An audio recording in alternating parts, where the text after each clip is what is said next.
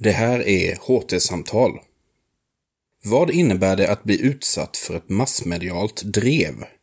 Hur känns det att bli uthängd i samband med en skandal? Mia-Marie Hammarlin pratar med Isak Hammar om sin nya bok Exposed, inspelat på Bokmässan i Göteborg 2019. Ja, välkomna till eh, Lunds universitets monter där forskarsamtalen nu fortsätter med Mia-Marie Hammarlin, docent i medie och kommunikationsvetenskap. Eh, och vi ska prata om hennes eh, nya bok som heter Exposed. Living with Scandal, Rumor and Gossip. Välkommen. Tack snälla. Jag är docent i etnologi. Du är docent i etnologi? Okay. Och jag är lektor i medie och kommunikationsvetenskap. Det kan vara viktigt att påpeka för det är just den där kombinationen av eh, just det, det kommer vi in på ja, lite vetenskapliga ingångar just. som gör att det har blivit den bok det har blivit. I den här boken då, eh, Expose, så studerar du mediaskandaler eh, som ett sociologiskt och kulturellt fenomen. Och du beskriver syftet som dubbelt, alltså dels utforska vad kan kalla känslomässiga erfarenheter mm. av hos personer som varit föremål för skandal eller drev. Eh, hounding skriver de i, i, som den engelska översättningen.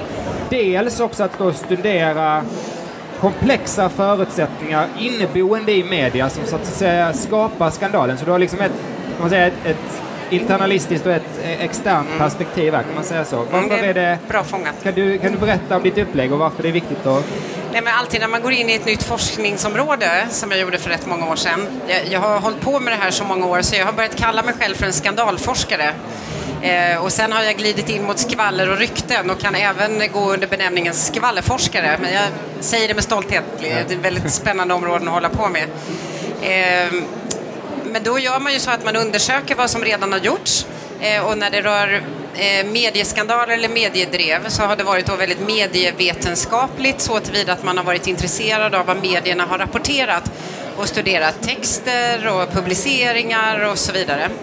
Eh, men eh, mitt fokus som etnolog är alltid vardagen. Vad gör det här med vardagen? Eh, och hur kan vi förstå fenomenet ytterligare och fördjupande om man frågar de här personerna som har stått i centrum för de här stora skandalerna hur, var det här? Inte för att tycka synd om dem, det är viktigt att påpeka, utan för att lära sig någonting om det här fenomenet. Ska vi eh, säga någonting inledningsvis om vad det, vad, det, vad det rör sig för typ av skandaler? Mm. Eh, alltså det finns, det finns, du har ju ett brett spektra, det finns en del variationer, men kan du säga någonting om ditt urval? Eh, urvalet är gjort så att det ska vara nationella skandaler, stora, omfattande skandaler. Jag ville bredda begreppet lite grann så att det inte bara blev politiska skandaler eh, utan även andra elitpersoner. Eh, jag intervjuar dock även en, eller uppmärksammar en skandal som rör en privatperson eh, och då glider vi in på det som kallas för public shaming-fenomenet. Eh, men några namn som kan nämnas som jag har intervjuat är Lars Danielsson och så är det Håkan Juholt och det är Sven-Otto Littorin Irene von Wackenfeldt som sa det här skandalösa i TV om att män är djur och så vidare. Det blev en jättestor skandal kring henne. Eh, och, och, så. Just för att försöka förstå fenomenet. Sen har jag studerat texter och så vidare också, men deras berättelser, deras sätt att beskriva den här erfarenheten har stått i fokus för analysen. Du, du bygger din undersökning som du är inne på här på då, olika material och din ingång är etnologisk och fenomenologiskt. Vad innebär det? Eh, som etnolog eh, uppmärksammar man... Jag, jag, eh, det är en jättebra fråga. Jag, jag, tycker att vad jag gör i boken är att dra ner tempot. För att en skandal sker väldigt snabbt och vi kan alla spekulera kring vad en sån här skandal leder till och hur den kan kännas. Vi kan spekulera kring det vi anar, så att säga, att man drabbas av skam och eh, self-loathing och så vidare självanklagelser och så. Vi kan, vi kan förstå allt det. Men hur går detta egentligen till? Så jag, eh, jag tycker att jag bromsar eh, tempot på utvecklingen. Jag tar det steg för steg för steg så här. Eh, Okej, okay, de lägger sig på bilgolv och fraktas ut på landet. Varför? Eh, de eh, flyr ut ur landet. Varför då? Ehm, de klär ut sig när de går på stan med halsduk, mössa nedtryckt över huvudet, stora solglasögon. Det är ju knäppt, varför gör de det? Ehm, och ganska många gånger i de här intervjuerna, för det här är ju liksom eh, elitpersoner som sagt med väldigt, har haft mycket makt och inflytande och sen återetablerat sig de flesta senare. Ehm, men det, det kallar jag för något karnevaleskt inslag i det. Att det världen upp och ner. Så vid de här intervjuerna så blev det ganska mycket skratt också. Därför att det, det, det finns något absurt inslag i, i en sån här erfarenhet. Just det. Du skriver något som jag tycker är väldigt intressant, att skandaler avslöjar det som kulturen, man i kulturen tar för givet, givet till exempel moralens gränser eller vad som är okej okay och inte okej okay att göra. Mm. Och du ser också intressant nog en, en, koppling just mellan vardag och skandal som du beskriver som dess motsats. Kan du inte förklara lite där? Jag beskriver det någonstans inledningsvis som en erosion, liksom, alltså att det, jorden rämnar under fötterna och gör det under lång tid. Och det påverkar inte bara den personen som står i mitten av skandalen utan även människor i, i personens närhet. Eh, så det finns en sorts smittoeffekt om man så vill och dessutom är det här erosionen långvarig och den får konsekvenser för lång tid. Så Eh, en person till exempel berättar att han gick ner 18 kilo i vikt av den här erfarenheten och det var också precis samma. Men vad är det som pågår? Det är en väldigt bra Goffmansk fråga, eller hur? Vad är det som sker? Vad är det som pågår? Så jag försöker liksom hela tiden ha det perspektivet när jag har lyssnat på de här berättelserna. Varför går man ner så mycket i vikt? Och ett eh, av en sån här erfarenhet. Och e, e, ett svar är ju det här, vi, vi är flockdjur, vi är är beroende av att finnas i en community, ett kulturellt sammanhang. Och, och, de här människorna utsätts för skvaller och ryktesspridning och en sorts ensamhet. Jag kallar det för ensamhetens och synlighetens paradox. Eh, så, så många vittnar om en, en ensamhet som de kan, de kan få stöd men samtidigt där ute får de rätt så mycket signaler om att de inte önskar det. Och där använder jag en massa begrepp för att förklara detta. Men någon sorts stigmatisering är det som sker av de här personerna. Jag vill komma tillbaks till just vad som är gemensamt för hur de upplever sin situation och sådär. Men jag tänker att det finns också någonting intressant som är återkommande i boken och det är det här med liksom det svenska och just den svenska kontexten. Och mm.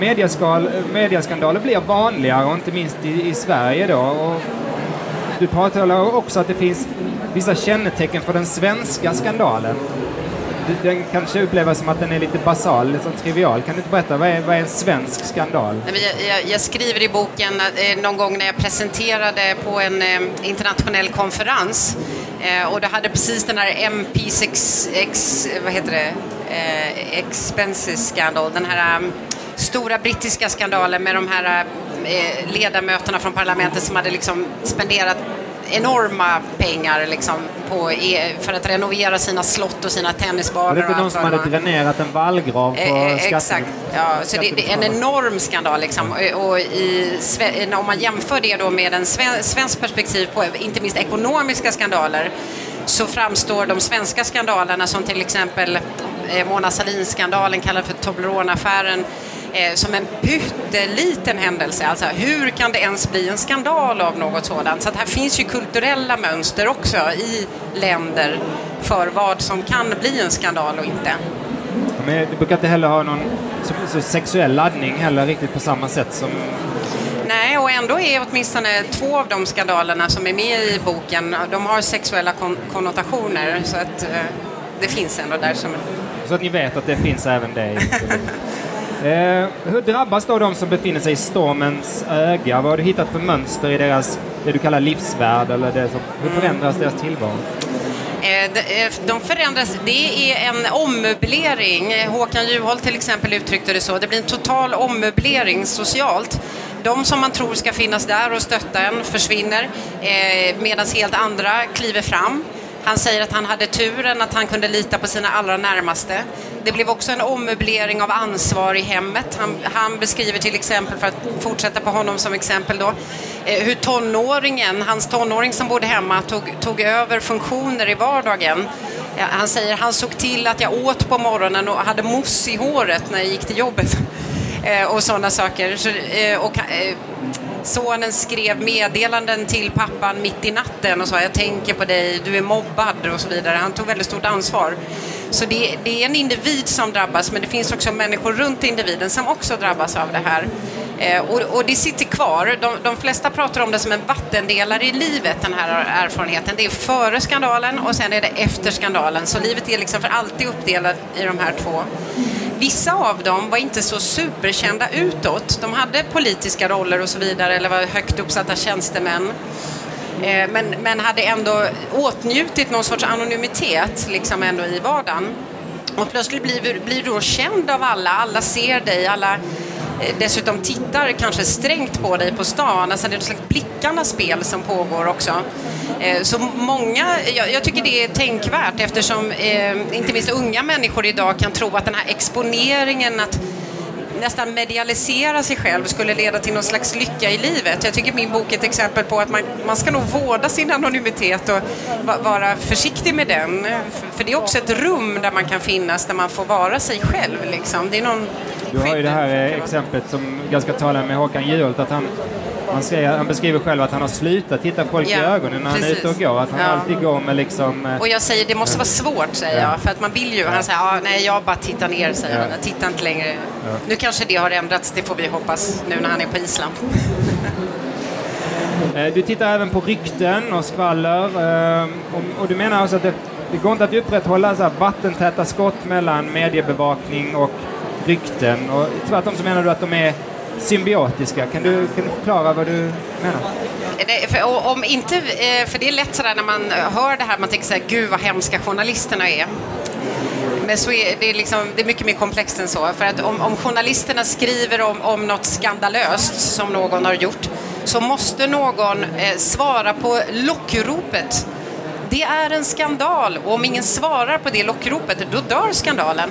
Så här, här är det en aktiv mediepublik, nämligen alla vi då, som, som måste delta i det här eh, för att skapa den här skandalen. Och det gör vi inte minst genom att faktiskt prata om skandalen och då är det en liten skärva av oss här också som kommer höra av oss till journalister och signalera att vi vill veta mer som publik. Och, och inte minst kvällstidningar är väldigt bra på att lyssna på sina publiker och vilja tillfredsställa dem och deras behov. Och kan gå väldigt, väldigt långt för att göra det. Eh, så det, det, finns liksom en muntlighet eh, som, som pågår överallt som hakar i skandalen. Eller jag skulle då se det som att det faktiskt är en del av skandalen. Om vi inte pratar om skandalen så finns det ingen skandal. Det är, det är min slutsats. Och här, här lutar jag mig mot en bokhistoriker, eh, Robert Darnton, som har skrivit om mediesystemet på 1780-talet eh, strax innan revolutionen. Eh, och eh, Eh, där är det ju liksom i hög grad ett muntligt mediesystem men som också fin finns också tryckta eh, det finns tidningar och annat, eh, några hundra stycken med den här tiden, som cirkulerar. Ehm, men, men jag, jag, jag, lär mig väldigt mycket, menar jag, av, eller vi kan lära oss väldigt mycket av att undersöka det mediesystemet då för att förstå mediesystemet idag och inte minst då skandalerna. Just det. Du, eh, slutligen kan jag också säga att du tittar ju också på journalistik, alltså du intervjuar också journalisterna, den andra ja. sidan då, eller vad man ska mm. säga. Eh, hur ser journalisterna på medieskandaler och vilken roll känslor spelar? Och ser de det, det även som någonting positivt eller hur balanserar de det här? In, liksom? Ja, det är en väldigt bra fråga. Eh, de gillar inte begreppet medieskandal alls, eller mediedrev. Eh, därför att det sätter ju fokus på vad medierna gör. Utan eh, de föredrar begrepp som politiska skandaler till exempel. För då är ju skandalen orsakad av politikerna eller politiken. Eh, de säger att vi rapporterar ju bara om någonting som redan har inträffat, någonting som redan har hänt.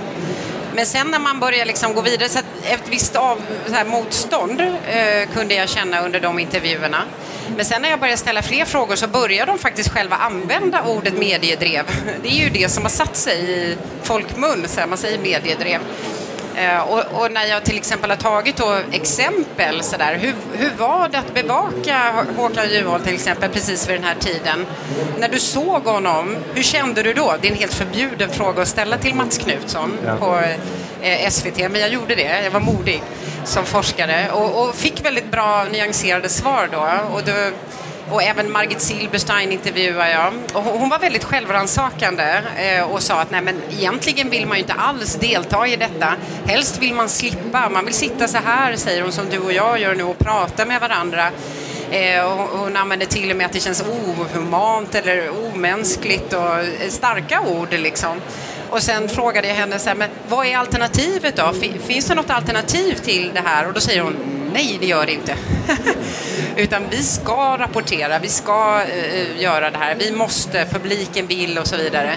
Så det var som att hon tog av och på sig någon slags reporterkavaj under intervjun. Men jag vill ge henne cred för att hon var så uh, reflekterande och självkritisk.